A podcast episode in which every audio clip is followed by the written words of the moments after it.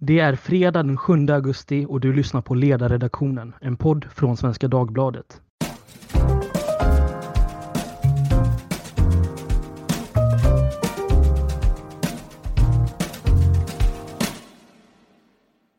Jag heter Naud Haptmikael och är en av ledarsidans sommarvikarier. Och idag ska vi prata om partikulturer, ett fenomen som i många fall kan spela en avgörande roll, både i partiernas inre liv såväl som i deras framtida vägval. Därför ser jag varmt välkommen till dagens gäst som är Lars Leijonborg och som eh, tidigare partiledare för Folkpartiet och eh, flera år som statsråd har kommit att bli ett så kallat household name. Varmt välkommen! Tack för det, trevligt att få vara med. Och var befinner du dig en solig sommardag som denna? Ja, just nu är jag faktiskt i min lägenhet i Stockholm. Jag åkte tillbaka från mitt landställe i Småland igår, men jag räknar väl med att återvända ganska snart. Mm, det var härligt. Mm. Men eh, om vi ska dyka rakt eh, ner i ämnet så tänkte jag att vi kanske kan börja med den definitionen av partikultur som eh, jag tänkte att vi ska utgå från. Vilket är den som statsvetaren Katarina Barling gav uttryck för i sin avhandling från 2004 om partikulturer i Sveriges riksdag. Och eh, i den så avgränsar hon sig till kulturella former och eh, i och med det så ingår alltså inte det parlamentariska arbetets eh, mer formella eller ideologiska sida utan endast partigruppernas normer och eh, självbilder. En av avhandlingens slutsatser var att den parlamentariska sammanhållningen inom partier inte enbart påverkas av olika beslutsordningar eller ideologiska samsyner. Vilket osökt ledde mig till eh, din bok Lars för i dina memoarer Kris och framgång så hittar vi ett eh, intressant kapitel om när du var snubblande nära statsministerposten efter ert rekordval 2002. Och eh, där skildrar du förhandlingsrundorna med de tilltänkta samarbetspartierna. Men i vilken utsträckning, om någon alls då, tror du att partikulturen spelade en roll i att inte landa i ett regeringssamarbete då? Ja, det är intressant att börja med de båda partierna för att eh, ja, det råkar ju för övrigt vara de båda partier som du och jag känner bäst till och det är ju något märkligt därför att i, ja, det är faktiskt 60 år nu har det diskuterats att de båda partierna borde slås ihop. Det var inför valet 1960 som de dåvarande partiledarna Bertil Ohlin och Gunnar Hedlund lanserade något som de kallar för mittensamverkan. Och sen har det ju av och till också talats om partisammanslagning. Ändå har det inte blivit någonting av. Och då är det ju de som hävdar att det är för skilda kulturer, vad man nu lägger i det begreppet. Eh, så att, eh, men för att ta konkret din fråga, huruvida det var sådana bakgrundsfaktorer, ett synonym i kultur i det här sammanhanget det är väl historia som om skilda partihistorier eh, gjorde det här omöjligt eller om det var mera dagspolitiska avgöranden. Jag kan inte riktigt reda ut det faktiskt. Jag, eh, ett stående skämt eh, som Maud Olofsson hade under sina år då vi samarbetade var att Centerpartiet ordnade mycket bättre fester än, än Folkpartiet. Jag bestred förstås det och sa att vi minsann kan ha trevligt vi också. Men, men det är ju möjligt att den här historiken från, från bygdegårdar och logdanser så att säga gör att eh, centerpartister, kanske du vet bättre, är, är bättre på fester. Men om det är den typen av kulturella skillnader eller som sagt mera dagspolitiska avgöranden som, som, som fäller avgörandet i ett, i ett visst skede. Det tror jag är väldigt svårt att reda ut. Mm, jag förstår. Och en annan fråga som många anser spelar en stor roll är ju personkemier, både internt i partierna men även givetvis eh, på högsta nivå mellan partiledarna och hur det påverkar olika samarbeten. Du har ju en lång erfarenhet eh, mm. både från det tidigare liberala ungdomsförbundet FPU till att eh, sen avrundat eh, din politiska karriär som partiledare. Hur stor roll skulle du säga att personkemier spelar i, i samarbeten eller snarare bristen på samarbete? Ja, jag tycker det där är jätteintressant. Jag har tänkt väldigt mycket på det därför att Ja, det, det talas ju mycket om eh, eh personkemins betydelse och i allt vårt vardagsliv så känner vi ju igen det där. Det är mycket, mycket lättare att ha ha, ha att göra med personer som vi på något sätt tycker om eller har en, en bra relation till. Samtidigt har jag tänkt på när jag hade, var i ansvarsställning att det är ju orimligt att den typen av personliga känslor får avgöra vettiga skeenden för samhället. Och så att jag vill nog påstå att jag vid några tillfällen ganska medvetet så att säga, har, har bitit ihop och, och bestämt mig för att det, det, är inte jätteroligt att ha med den här personen att göra men för sakens skull så måste jag ha det. Och, och eh, genomfört olika typer av projekt och, och relationer. Och, och jag vill då ändå betona det att det personliga får inte stå i vägen för angelägna saker. Man får så att säga försöka frigöra sig från den typen av personliga känslor. Men med det sagt så vet ju alla att till sist så har det betydelse. Det en, ett enda exempel är ju att vi fyra som var partiledare och bildade Alliansen Reinfeldt och Hägglund och Maud Olofsson och jag var ganska olika på, på vissa sätt men, men vi uppnådde ju så småningom en väldigt bra arbetsgemenskap och jag, jag vill ju inte förneka att det, det, det sociala och känslomässiga hade en betydelse. Mm, jag förstår. Ett annat exempel från eh, den perioden var ju eh, Göran Persson som eh, var öppen med att eh, han tyckte att miljöpartister var otrevliga och smällde i dörrar och så vidare från dokumentären Ordförande Persson. Ja, och det knyter ju för övrigt an till, till eh, det du, det exemplet du tog för det där i september 2002, det var ju då som Centerpartiet till sist avbröt regeringsförhandlingar som jag hade inlett. Eh, där körde ju Miljöpartiet två spår och det var ju ganska uppenbart. Jag kan inte säga att jag känner mig lurad på något sätt. Så de hade ju dels kontakter med Göran Persson om att bli stödparti åt Socialdemokraterna och dels med mig att ingå i en, som vi sa, en blågrön reformregering under mitt statsministerskap. Och eh, det, där har ju Maria Wetterstrand offentligt berättat att hon tyckte det var betydligt trevligare att ha med mig att göra. Men, men om det, nu, nu ställdes ju saken aldrig på sin spets genom att Maud Olofsson avbröt processen. Men, men eh, jag är inte säker på att det hade varit så den där personkemin som hade avgjort till sist. Jag förstår.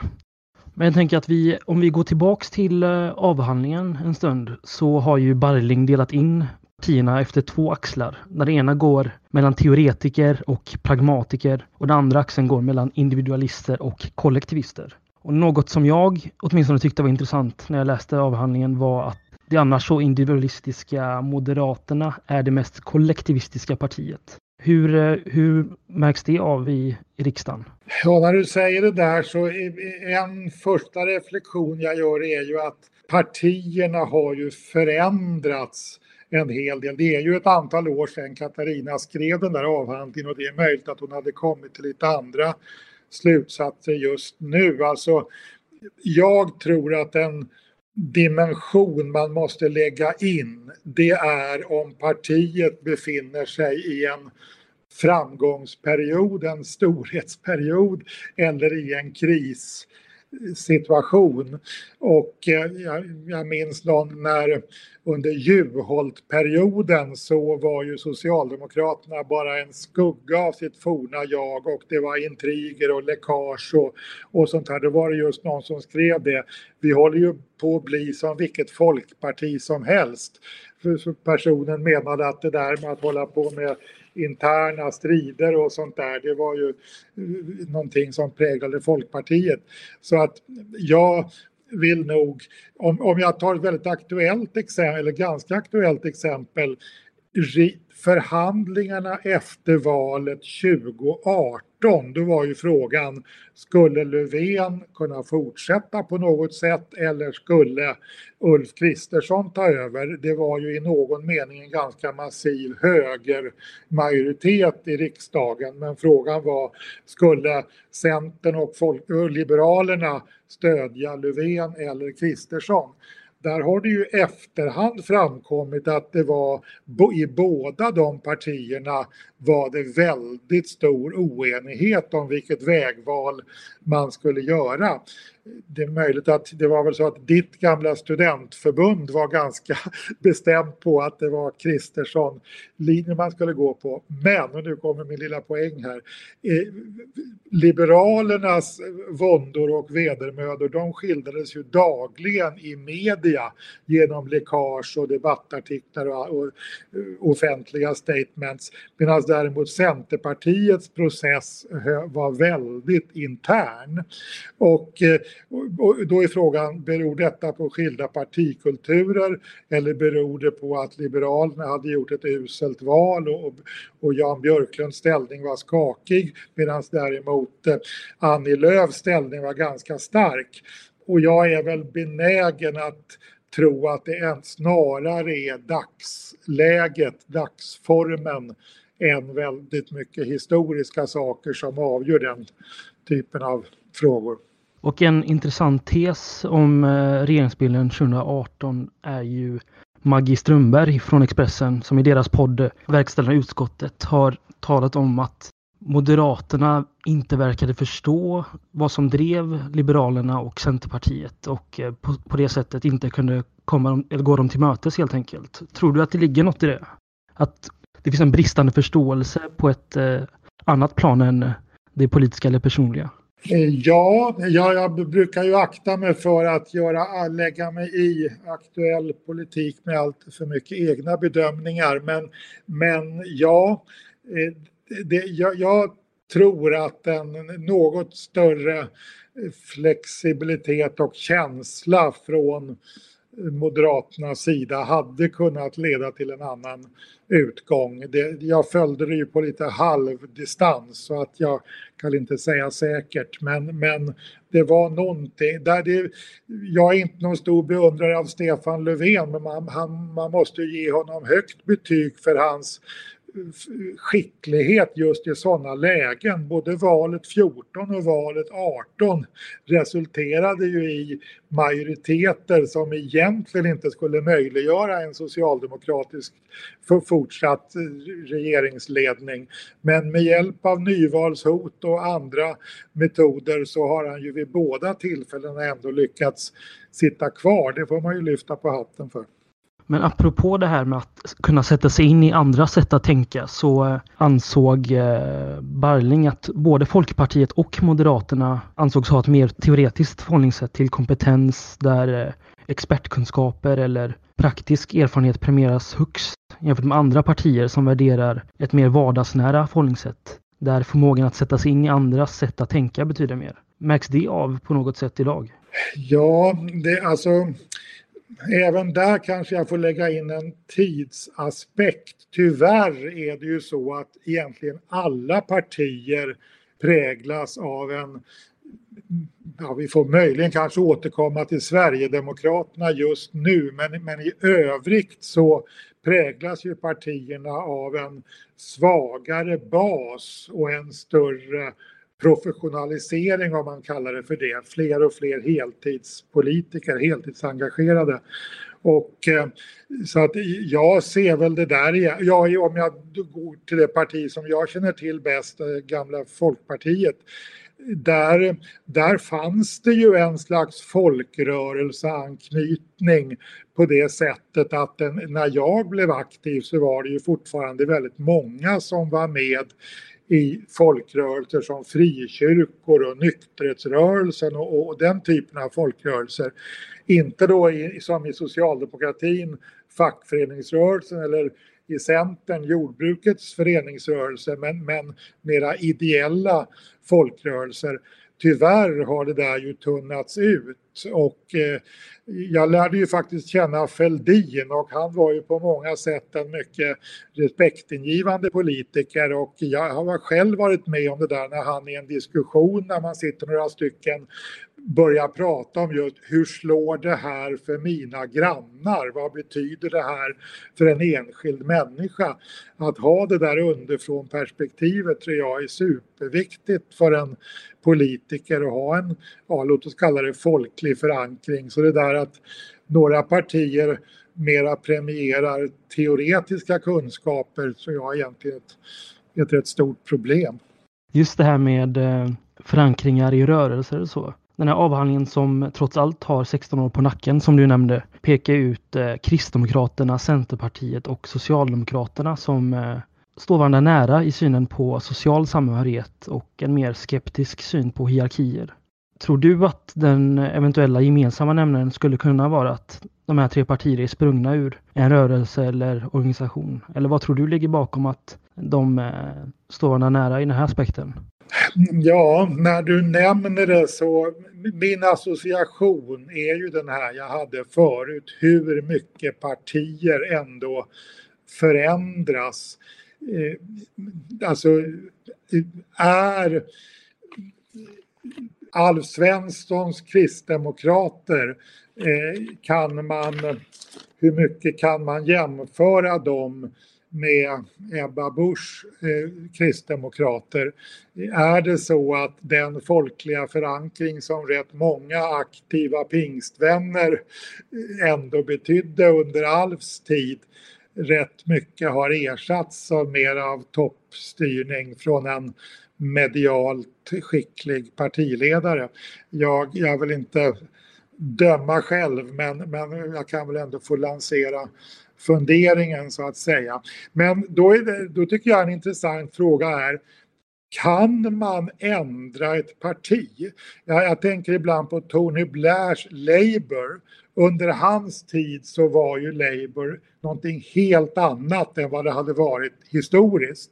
Men det behövdes ju bara att Blair avgick så föll man tillbaka och så småningom fick man Corbyn som var Blairs motsats i många avseenden.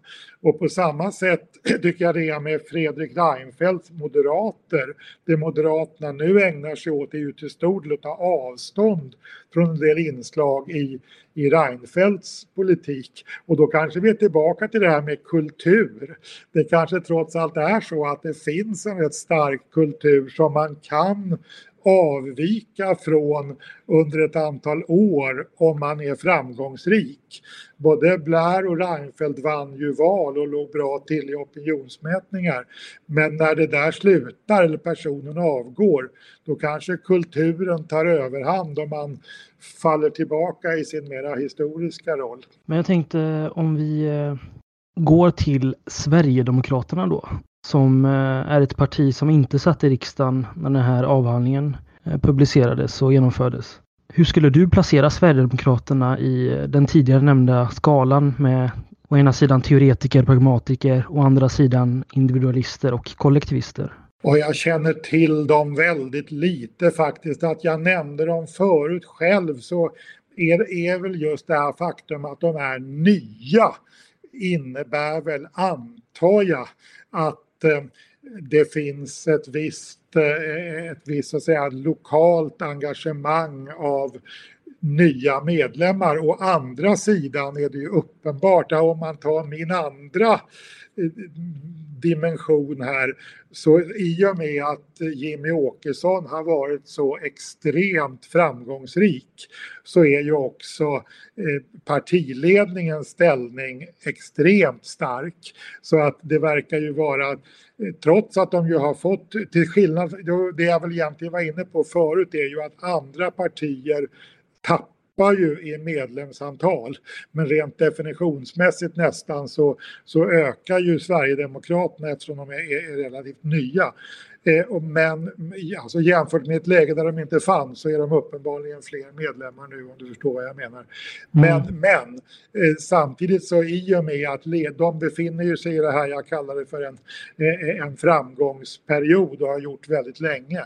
I och med det så är partitoppens ställning extremt stark. De utesluter ju folk på löpande band och i andra partier brukar ju det ofta ge upphov till revoltungar och, och, och, och kanske konkurrerande falanger och sånt där. Man, man kastar ju ut ett helt ungdomsförbund för några år sedan men, men man överlever ju allt det där. Så att, men det tror jag då har att göra med att än så länge så, så, så njuter den nuvarande ledningen av att man har medvind. Och om den vinden så småningom mojnar och vänder så kan man nog tänka. Då jag, var ju där, jag upplevde ju däremot Ny Demokrati väldigt nära och där såg man ju det totala sammanbrottet när, när entusiasmen avtog. Och eh, jag tror inte man ska göra för mycket paralleller till Sverigedemokraterna men så långt kan jag nog gå att jag tror att om de på allvar börjar tappa i opinionen så är det mycket möjligt att vi på ett helt annat sätt får se eh, interna motsättningar och falangbildningar. Och eh, ett annat parti som eh, drabbades av olika falangstrider efter att de kom in i Rosenbad för första gången var ju Miljöpartiet. Och eh, det var ju en del interna stridigheter eftersom de för första gången var tvungna att kompromissa och eh, gå igenom olika svårigheter inom partiet.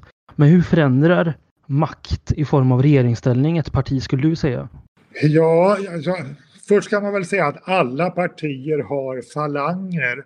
En lite speciell grej med Miljöpartiet i varje fall en period var att för att beteckna dessa falanger så använder man tyska begrepp. Det kommer från Die Grüne i Tyskland talar man ju om fundis och realis.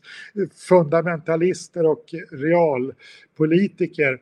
Och eh, så det är klart och Miljöpartiet är kanske lite speciellt på det sättet att de är ju väldigt mycket sprungna ur miljörörelsen och kanske några andra ideella små folkrörelser. Och eh, det, det, det gör väl att det här med steget att, till maktutövning är längre för dem än en del andra partier. Men, men, eh, de, ja, men de, någonstans bestämde de sig för det ju. Det, det framgick ju redan i... Det, jag upplevde ju det där väldigt påtagligt 2002. Det var ju Peter Eriksson och Maria Wetterstrand som var språkrör då. Då hade ju de sen sitt bildande säga, haft en lång ökenvandring, dels utanför riksdagen och dels i opposition. Och de, de sa ju att vi är, vi är nu väldigt bestämda på att ska vi bli ett riktigt parti, då måste vi också ta regeringsansvar. Och det var ju skillnaden mellan mitt erbjudande och Göran Perssons erbjudande att jag erbjöd ju statsrådsposter men Göran Persson bara att de skulle få en roll som stödparti.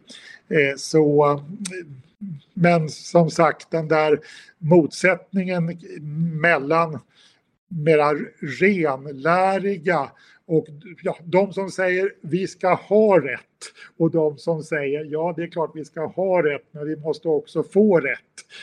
Den finns i, i, i nog i de flesta partier men, men den blir, är förmodligen särskilt eh, blottlagd och tydlig i Miljöpartiet med tanke på deras bakgrund. Ett parti står ju inför ett partiledarbyte nu eh, när corona har lagt sig.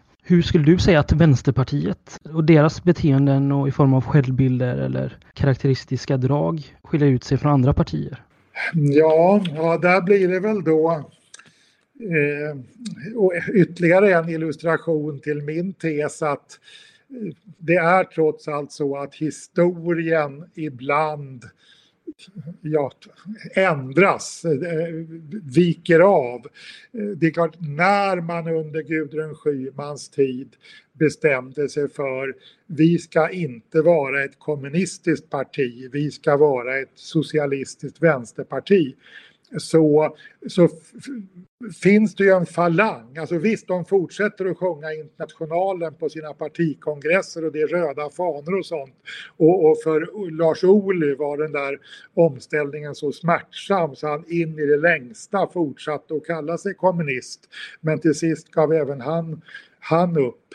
Så att eh, i någon mån har ju de försökt göra upp. I deras fall menar ju då jag att de egentligen inte har någonting att vara stolt över eftersom deras, jag menar ju att kommunismens historia är en fruktansvärd och mörk historia. Men, men ändå är det ju en hel del av dem som försöker återupprätta den kommunistiska historien. Men, men det är väl så att deras framgång, nu inte minst under Jonas Sjöstedts tid, har ju legat i att de har varit ett, ett väldigt ja, uttalat vänstersocialistiskt parti som inte har velat förknippas med, med kommunism. Och jag, jag antar att den, den nya partiledaren kommer att fullfölja den linjen. Allt annat tror jag vore att bara be om att återvända till en, en, en sekt, sektsituation med väldigt litet folkligt stöd. Med de orden så är det dags att eh, knyta ihop säcken. Stort tack för att du gästade dagens avsnitt Lars. Det var roligt att få vara med. Mm. Och eh, den här podden har även en tradition där vi avrundar fredagsavsnittet med att fråga våra deltagare vad de rekommenderar våra lyssnare att titta på i helgen. Vad borde våra lyssnare göra i helgen då Lars? Oj, oj, oj, jag borde lyssna lite oftare. Jag hade glömt bort det där. Ja, det, det är ju ett högtryck nu som det ska ju vara fantastiskt väder i helgen. Så så frågan är om man inte ska passa på att åka och bada eller någonting. För det, det, det på, nu säger ju Tegnell att vi ska vara isolerade hela hösten också så man ska nog passa på att njuta så mycket som möjligt när man kan. Men, men det kom ju en tusensidig publikation igår var det va, den här jämlikhetsutredningen. Jag tror man ska läsa den med, med ett ganska kritiskt eh, sinnelag men vill man ha med sig någonting på badstranden så kan man ju ta eh, tusensidiga jämlikhetsutredningen och läsa som sagt med kritiskt sinnelag. Eller ta med sig dina memoarer Kris och framgång. Ja, ja nu. Fast med okritiskt sinnelag kanske. Nu Naud sa du ett sant ord. Det, det, det var ju det bästa naturligtvis. Ja, och eh, själv kan jag avslöja att jag eh, åtminstone ska se första delen av dokumentärserien Spionen Vladimir Putin på SVT Play. Och eh, innan vi tar helg så vill jag påminna att ni som har frågor eller funderingar givetvis kan höra av er till ledarredaktionen som vanligt. Och det gör ni genom att mejla ledarsidan svd.se. Tack så mycket och ha en trevlig helg!